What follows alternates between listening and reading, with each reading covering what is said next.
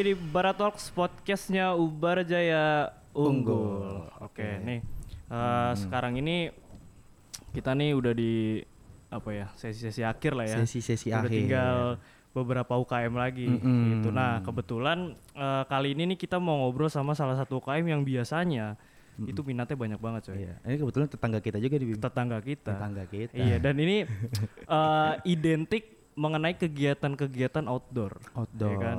Mm. Biasanya ma eh, es apa para para mahasiswa baru nih suka karena Iya. sebelumnya mungkin udah pernah eh, berkegiatan, ya kan? Lu per- pernah punya pengalaman aktivitas outdoor gak? Naik gunung kah? Gue pernah pengen naik gunung cuma nggak jadi Kenapa? karena udah nggak galau lagi. Iya.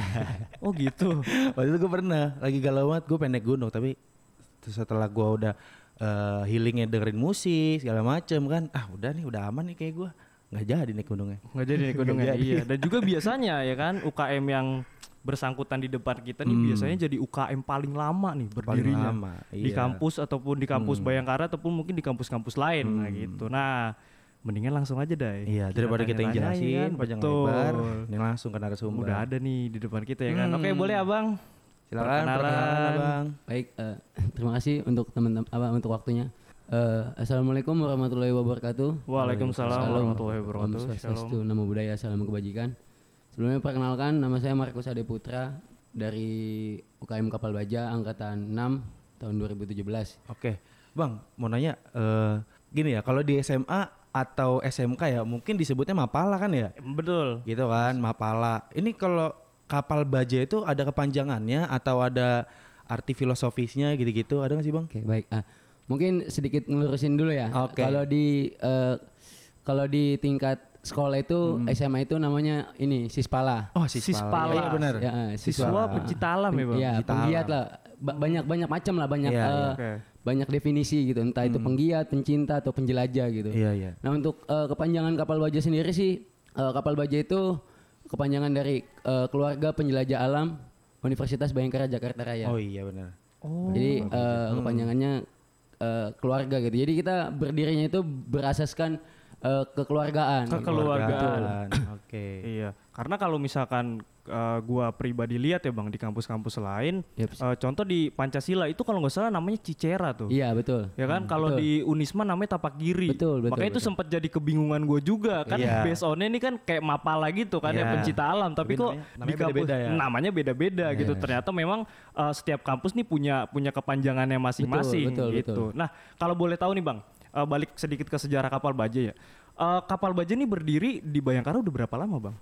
Eh, Oke, kalau secara apa ya? Secara data sih berdirinya kapal baja itu di tahun 2009. 2009. Betul, di tahun 2009. Cuman eh setelah kita cari tahu juga gitu, ternyata ada abang-abang kita yang eh keanggotanya itu di tahun 2006. Wah, 2006. Iya, Betul.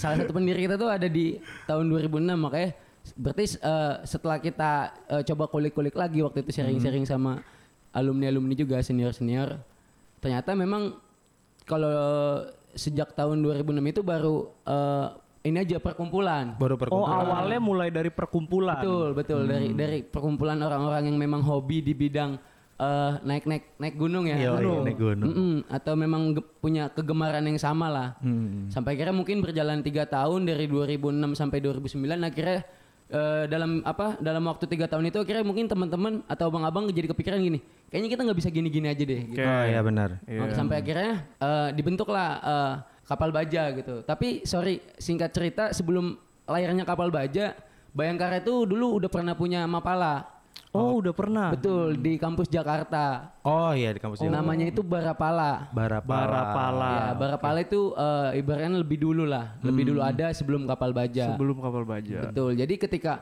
Bayangkara masuk di Bekasi gitu kan, dirin kampus di Bekasi.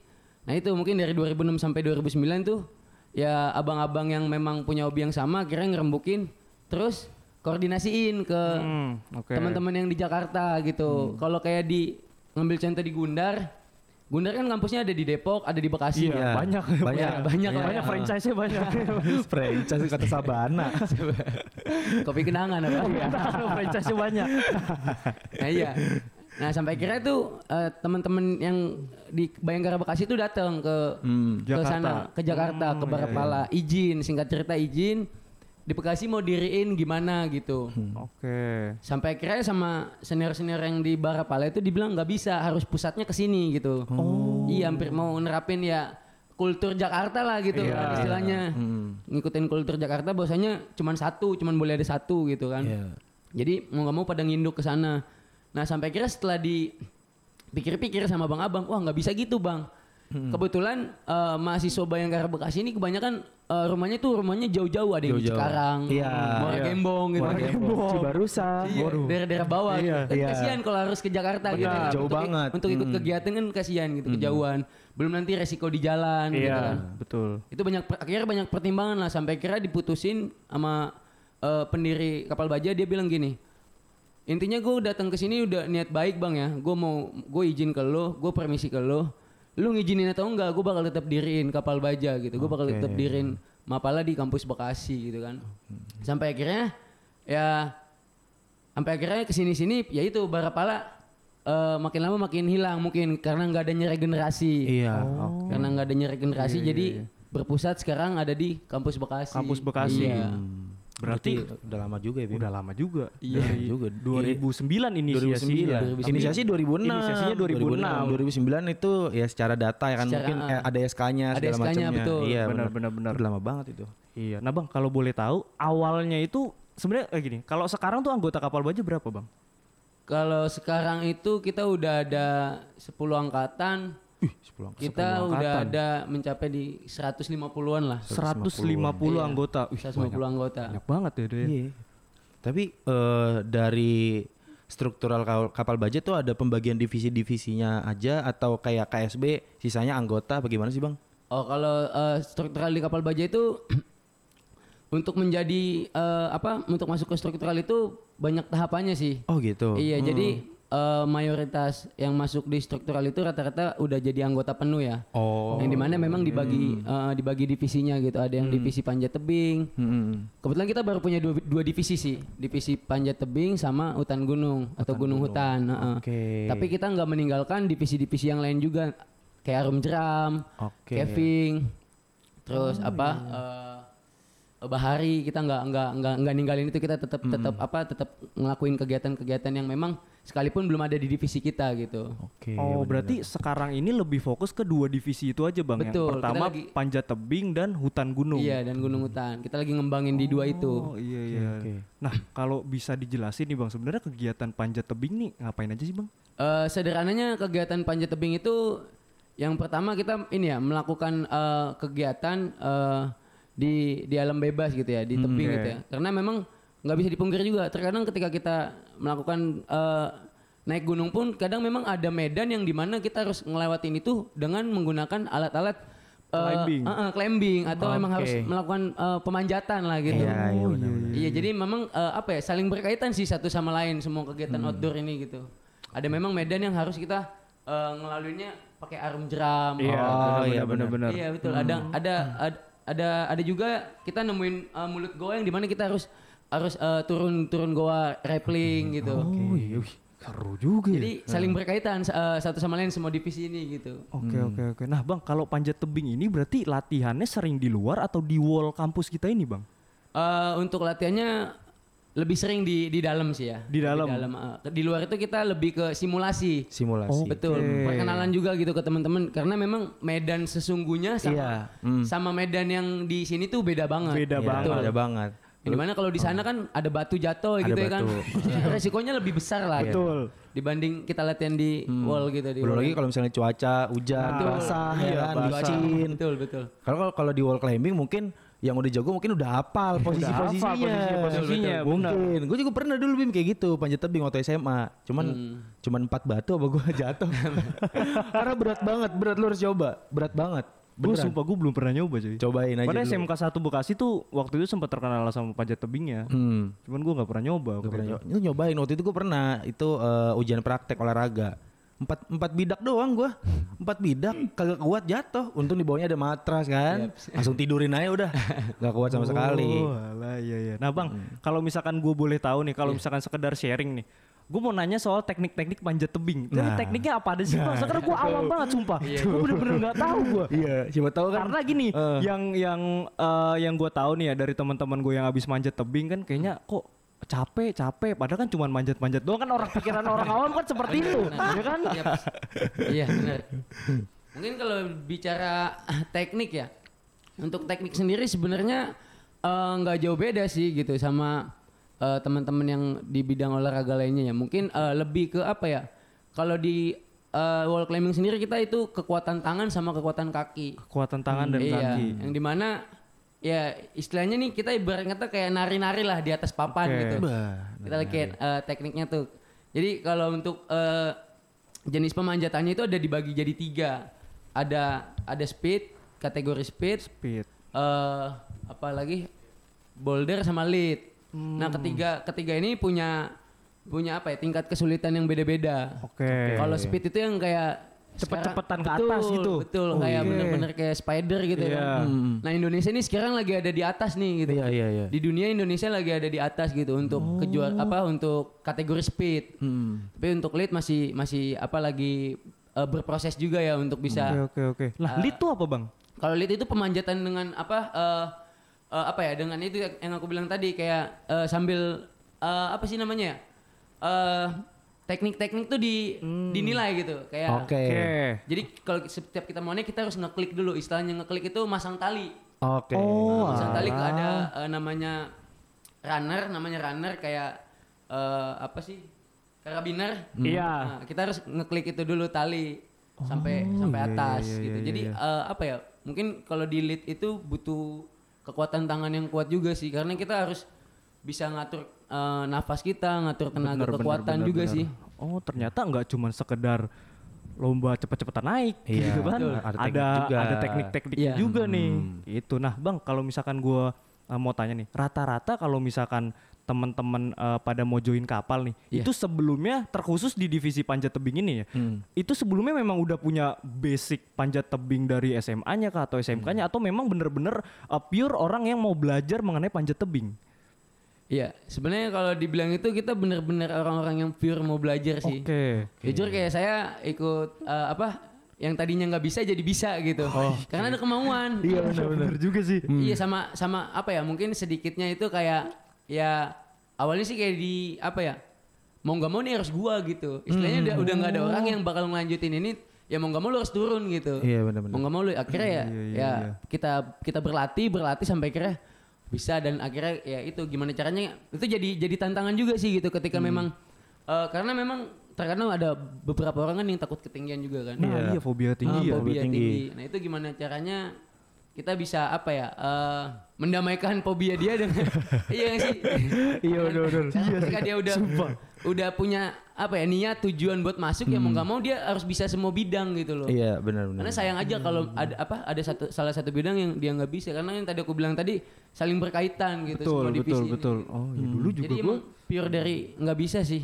Oke oke oke. Iya dulu ngomong-ngomong fobia gue juga dulu fobia ketinggian bang jujur aja. Cuman nggak tahu kenapa seiring berjalannya waktu tuh hilang. Iya sumpah nggak tahu gue kenapa dulu ya kalau misalkan gue ke mall itu kan lantainya tinggi tinggi Oh tuh iya, Iya. benar. itu gue sampai bener-bener nggak nggak bisa ke pinggir jalan ke pinggir tuh gue nggak bisa saking Ngeri ya? takutnya gue iya Ngeri. Udah gitu pinggirnya kan biasanya kaca kaca, Iya. pinggirannya biasanya kaca gitu Iya. sih nah gimana deh lu ada pertanyaan lagi mengenai panjat tebing Ag- eh, gini, eh, tadi kan kalau misalkan Bang Markus bilang eh, kan bener-bener Abang Markus ini belajar dari nol Dari ya kan, betul. semangat gitu kan. Nah, kalau misalkan gue boleh tanya dalam satu rangkaian misalkan dal- dalam seminggu nih panjat Iya. tebing itu di di apa ya dipisah-pisahin gak sih bang kayak eh, hari ini kita latihan fisik nih karena emang nggak bisa dipungkirin eh, untuk panjat tebing ini kan kita juga butuh fisik juga kan kekuatan tangan Kekuatan kekuatan kaki. kaki gitu. Kalau gue waktu itu sampai gemeteran gitu kan, sampai gemeteran.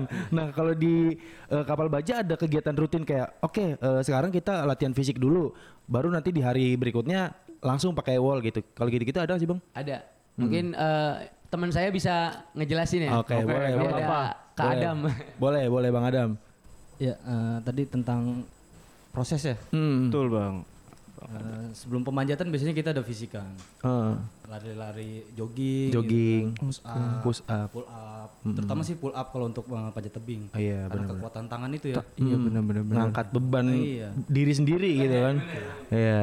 Sumpah pull up tuh teknik paling susah cuy. Nah, itu. Dari kalistenik bener kan bang? Benar-benar. Gue gak pernah pull up.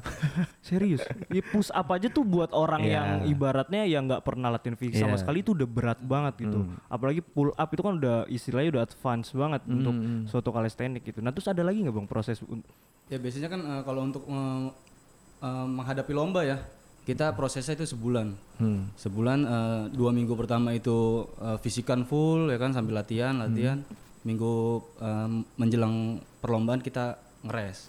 Oke, ya istirahat ya. eh, Jadi Oke. biar eh, statistiknya itu dari atas turun Hmm. dulu nanti pas perlombaan kita naik? naik lagi gitu kan. Karena kalau misalnya diporsir terus nanti ketika lomba udah capek Iya, duluan. betul. Oke gitu. Berarti kalau panjat tebing udah udah ketahuan lah ya ada ada eh, kegiatan rutinitas rutinitasnya gitu. Nah yang gue penasaran juga nih eh, ada di divisi hutan gunung. Mungkin kan kalau misalkan panjat tebing eh, kebetulan kita punya fasilitasnya nih ya di Iya. kampus naik wall segala macam. Kegiatannya juga ya latihan fisik dan lain-lain. Nah kalau hutan gunung itu sendiri itu biasanya langsung ke lokasi gunung atau gimana tuh bang? Eh, kita sih biasanya eh, kalau untuk nafdarnya ya, kalau di, Hmm. gunung- di hutan gunung kan ada materi nafdaran, bivakan kayak gitu. Itu kita latihan di kampus dulu. Hmm. Oke iya iya iya. Setelah di kampus matang, siap, baru kita terjun. Ba- eh, untuk kapal baja sih lahan mainnya banyak. Hmm. Bisa di Kerawang, bisa di Bogor. Di Kerawang ada di Sanggabuana, di eh, Rongkingnya. Gitu. Hmm. Oke. Berarti eh tapi kalau misalkan dalam sebulan nih biasanya kegiatan outdoor itu langsung biasanya berapa kali sih bang? Atau dua bulan sekali kah? Tiga bulan sekali? Eh, nggak nentu sih ya. Oh, nentu, oke. Hmm. Tergantung dari masing-masing eh, kepala divisinya Oke. Hmm. bikin agendanya. Bisa dua bulan sekali kita turun ke gunung gitu kan, kita latihan langsung ke Medan. Gitu. Karena kan emang harus eh, apa ya ngelihat kondisi persiapan dari teman-teman juga ya, Hmm, secara teori, secara fisik gitu kan. Oke. Ya, tadi eh, udah udah masuk cukup dalam mengenai hutan gunung tapi sebelumnya gini bang, gue bingung sebenarnya hutan gunung ini apa sih bang? Mungkin yang yang eh, mahasiswa-mahasiswa baru juga agak asing nih. Mungkin kalau panjat tebing ya oke lah kita udah udah sering lihat tapi hutan Iya. gunung nih eh, divisi apa nih mempelajari mengenai apa sih bang sebetulnya? Ya, ya, yang saya ketahui ya. Hmm. Jadi eh, hutan gunung ini banyak sih mempelajari tentang eh, nafdar yaitu navigasi darat. ya Oke. kan. Jadi eh, banyak kan banyak nih kasus-kasus eh, pendaki yang hilang, Hilang. Oh, gitu kan. Yang diculik bidadari gitu. Iya, ya kan. diculik bidadari. Jadi teknik-teknik itu tuh yang dipergunakan gitu, Oh. teknik-teknik survival bertahan hidup. Oke. Iya iya iya. Jadi ketika tersesat tuh ya eh, anggota-anggota ini udah dibekali dengan ilmu-ilmu itu. biar Oke, nggak- iya, iya, ya biar nggak fatal lah akibatnya gitu kan. Oh berarti istilahnya ilmu untuk bertahan hidup ya, baik di pegunungan atau perhutanan Iya. gitu. Oke. Oh, iya, gokil juga sih. Tapi kalau misalkan kayak di laut kan biasanya ngeliat arah-arah bintang mungkin ya. Wah, nggak ngerti bintang gitu kan. Mungkin di hutan gunung gua nggak tahu nih ngeliat apa gitu kan. Ngeliat arah dari arah angin kah terus eh dari struktur tanaman-tanaman mungkin gitu. Oke, terus abis itu apa lagi, Bang? Kalau gunung hutan ya eh, ada ini lombanya juga ya. Ada lombanya juga, Bang. eh, kebut gunung. Kebut gunung tuh, ah, itu tuh apa tuh? Kebut gunung tuh.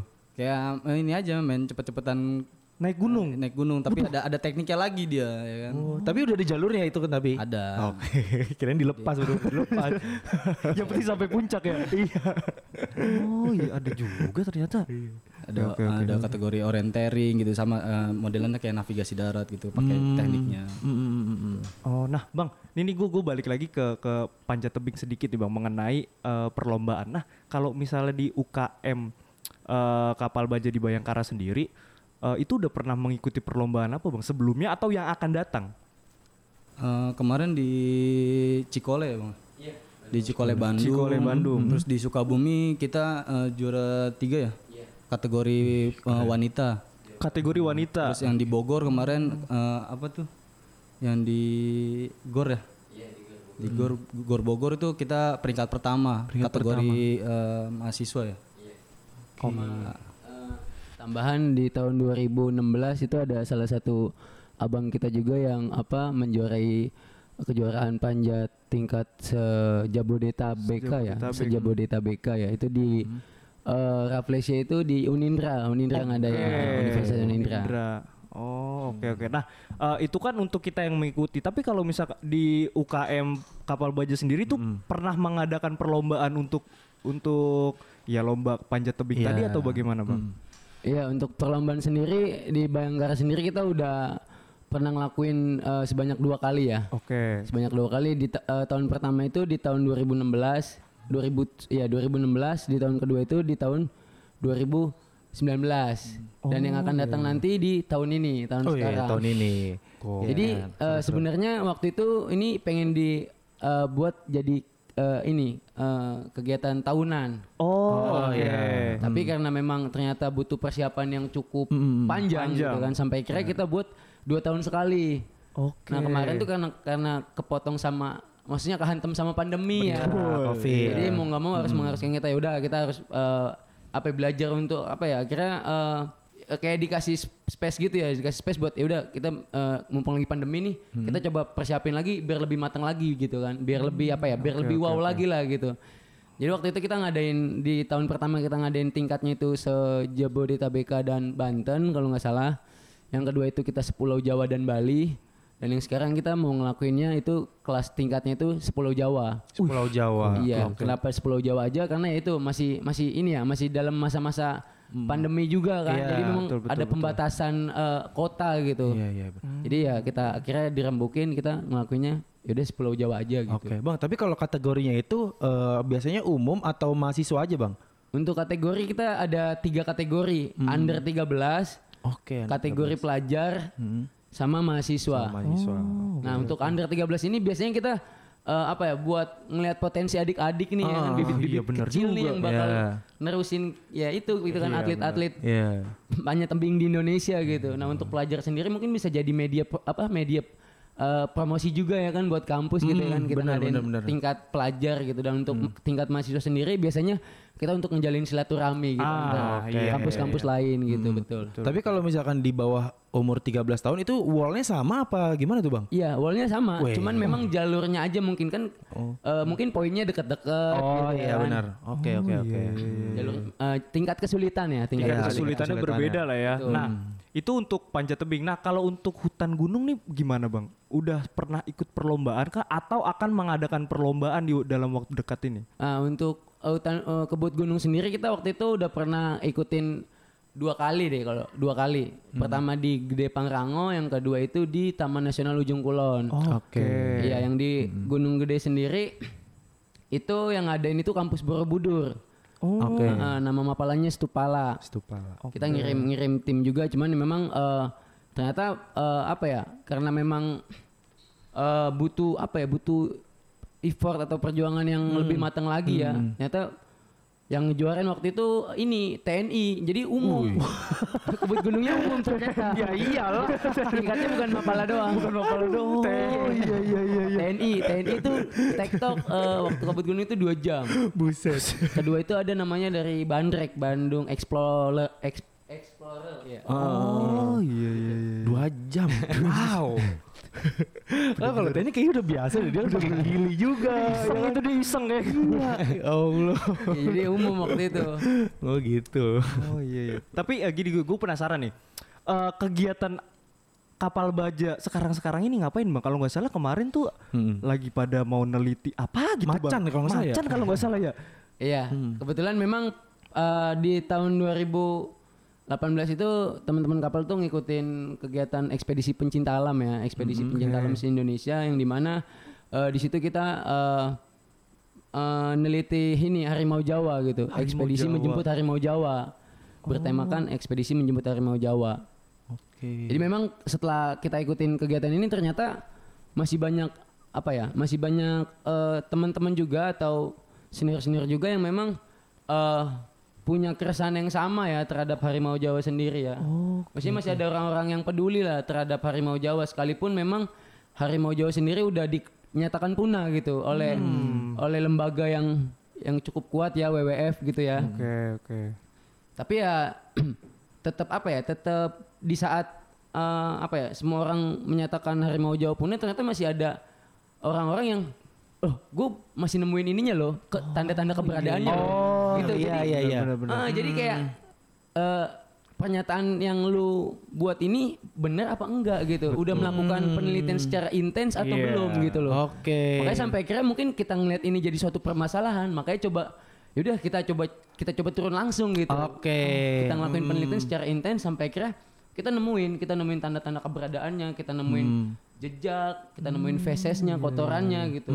Yang di mana memang setelah diidentifikasi itu punyanya harimau Jawa gitu. Oh, ya sekalipun memang eh, bagi mereka gitu ini ya jadi Ya itu mah macan, macan obesitas gitu. Oh, iya. Tapi, tapi sebenarnya kalau memang ada macan obesitas pun itu kan jadi salah satu penemuan yang wow juga nggak sih? Iya, gitu. iya, benar, macan benar. berukuran besar gitu. Karena semakin besar feses itu berarti makhluknya kan makin semakin semakin besar gitu ya kan? Oke. Iya, maksudnya eh, sesederhananya gitu gitu. Hmm, berarti emang kalau untuk ekspedisi ini tadi eh, apa ya mencari-cari eh, jejak kehidupannya gitu-gitu kan. Tapi kalau misalkan untuk ngelihat langsung gitu bang, karena kan ya kita ngomongin di hutan kan serem-serem juga kan kalau bener-bener ketemu gitu kan. Serem gitu ya. Iya. Jadi ya untuk keberadaannya sendiri ya itu teman-teman yang memang eh, turun di lapangan selama kurang lebih 14 hari, mereka ada aja gitu yang ditemuin entah, entah dari suara, entah mata. Cuman ya itu cuman ya cuman jadi jadi pengalaman pribadi gitu loh. Ketika Oke. kita cuman bisa kita bagiin ya buat orang-orang yang memang yang masih percaya dia tuh ada Iya, gitu. iya, iya. Tapi memang eh, ke belakang waktu ini setelah kita lihat juga udah banyak sih orang-orang yang memang sampai eh, proper gitu ya dia bawa kamera gitu. Oh, kan. iya, Heeh. Selain kamera trap juga mereka emang bener-bener sampai ditungguin sampai berhari-hari sampai emang itu kan eh, habitatnya misalnya. Iya. ditungguin gitu di di da- apa di apa di hutan-hutan Jawa ya untuk harimau Jawa. Karena kita punya tiga ini tiga spesies harimau di Indonesia kan. Oke. ada harimau Bali yang udah pertama punah harimau Jawa eh, yang nyusul punah yang sekarang kita punya nih harimau Sumatera gitu. Harimau Sumatera. Iya terkadang ketika kita nemuin ini, oh bisa aja tuh harimau Sumatera gitu. Oh iya benar. Jadi kayak apa ya? bener juga. Kayak nggak yakin juga gitu. Sampai kira ini jadi apa ya? Ya udahlah ini eh sampai kira yang tadinya tujuannya untuk eh, menyatakan apa? Mematahkan statement WWF tentang kepunahan, Kepunahan. harimau Jawa sampai kira ya udahlah. Ini jadi eh, konsumsi pribadi jadinya gitu loh. Oke. Hmm. Jadi buat ya udahlah buat segelintir segelintir orang-orang yang masih peduli aja gitu. Karena mungkin eh kenapa kenapa akhirnya sampai ngambil langkah seperti ini mungkin ketika di expose pun gitu ya. Ini jadi ada dua ini sih. Dua apa ya? Dua pertimbangan lah ya. Jadi dua pertimbangan ketika di expose berarti nanti ini pemerintah harus ikut campur tangan juga gitu Betul. kan, Oke, untuk apa ya? betul, Untuk betul. benar-benar ngelakuin perlindungan secara ketat gitu ya. Karena memang mitosnya sih harimau Jawa ini dijadikan diburu itu dijadikan sebagai ini apa obat di Cina. Oh, iya. Harganya dan harganya juga mungkin wow gitu ya. Iya, seharusnya kalau misalkan emang udah eh, teridentifikasi, misalkan nih dikit lagi punah nih, harusnya dibikin penangkaran aja Harusnya ya. seperti itu. Heeh, harusnya kayak gitu. Jadi ketahuan nih sisa berapa, udah gitu bisa dikawin mungkin Nah. biar biar apa ya eh, berkembang ada, terus iya, gitu. Tetap tetap inilah tetap ada lah gitu. Oh, iya. Kita nanti oh ini harimau Jawa gitu. Iya, jangan dibiarin benar-benar dilepas gitu aja. Seakan seakan-akan gini kayak misalkan eh, oke eh, harimau Jawa nih benar-benar udah punah padahal masih ada. Masih ada. Itu kayak kayak berdalih misalkan kayak ada yang berburu, ah kan udah punah. Berarti itu bukan harimau Jawa. Seakan-akan kayak gitu gitu loh. Cuci tangannya kayak gitu. Betul betul. ya makanya mungkin eh, ya itu terkadang tuh Hmm. eh, apa ya? Ya salah satu faktor penyebab kepunahan harimau itu sendiri ya manusia gitu ya kan. Betul. Makanya sampai akhirnya mungkin sekarang ini yang kita punya tinggal harimau Sumatera baru nih. Kita kita gencar nih ya kan. Hmm. Ngelakuin pelestarian harimau Sumatera, sorry harimau Sumatera. Tapi banyak juga gitu masih pem- apa perburuan liar gitu ya kan. Oh iya Terus eh, perambahan lahan gitu kan, pengalihan fungsi lahan gitu ya kan, kayak di Sumatera sana. Kalau apa belakang ini kan banyak kabar-kabar harimau mati kena jerat apa jerat Oh, babi iya, segala macam gitu ya kan. Oh oke oke oke. Nah bang, eh, menurut gua penjelasan mengenai kapal baja, wah udah lumayan gokil sih. Iya. Iya kan. Nah, gue penasaran lagi nih bang. Gue kadang bang kalau misalkan ngelihat anak kapal baja tuh kayaknya atributnya keren-keren, sumpah. Iya. Gokil. Iya. Rame ya kan keren. Nah, ini eh, menurut gua kita ngebahas mengenai proses seleksi nih, ya kan. Nah, ada nggak sih syarat-syarat khusus untuk misalnya gue da gue dapat baju PDH, gue dapat kacu atau gue dapat topi itu masuk ke dalam proses seleksi atau gimana bang? Iya, eh, untuk mendapatkan slayer gitu, Iya. kan, mendapatkan PDH ya ada prosesnya bang gitu. Ada prosesnya. Kapal baja sendiri eh, untuk saat ini, untuk tahun ini memiliki eh, tiga tahapan. Hmm. Oke. Tahapan untuk eh, mendapatkan atribut gitu. Iya. Ya, dimulai dari eh, ya eh, pen- apa, pendaftaran nanti ya PPKMB ini ya. Hmm. PPKM oprek ini pendaftaran masuk ke eh, seleksi wawancara eh, Oke. gitu kan. Pendataan, pen- penyerahan data, langsung masuk ke eh, Diksar. Diksar, pendidikan dasar. Oh iya iya. Abis dari situ baru tuh bisa dapat atribut-atribut. Belum, belum. Oh belum dulu. Waduh. Pendidikan dasar atributnya masih pakai baju flanel aja biasa. Baju flanel. Oh. Pakai topi rimba, pakai celana eh, quick dry gitu kan, atau cargo, pakai eh, sepatu-sepatu trekking gitu kan, atau sport. Eh, abis dari Diksar baru ke eh, Diklat ada namanya Diklat, Diklat. pendidikan latihan. Oke. Oh, Baru di situ eh, ngedapetin eh, yang namanya Slayer. Slayer. Oh iya. iya. Slayer itu. Berarti emang dapat dapat atribut yang keren-keren itu bukan orang yang main-main, Bro. Iya, makanya udah gitu eh, misalkan dia udah dapat nih, udah dapat Slayer, udah pakai PDH, dia harus eh, jadi anggota penuh dulu baru masuk struktural gitu bukan? Iya betul. Oh, iya. Jadi Prosesnya anggota penuh panjang. dulu baru dapat PDH.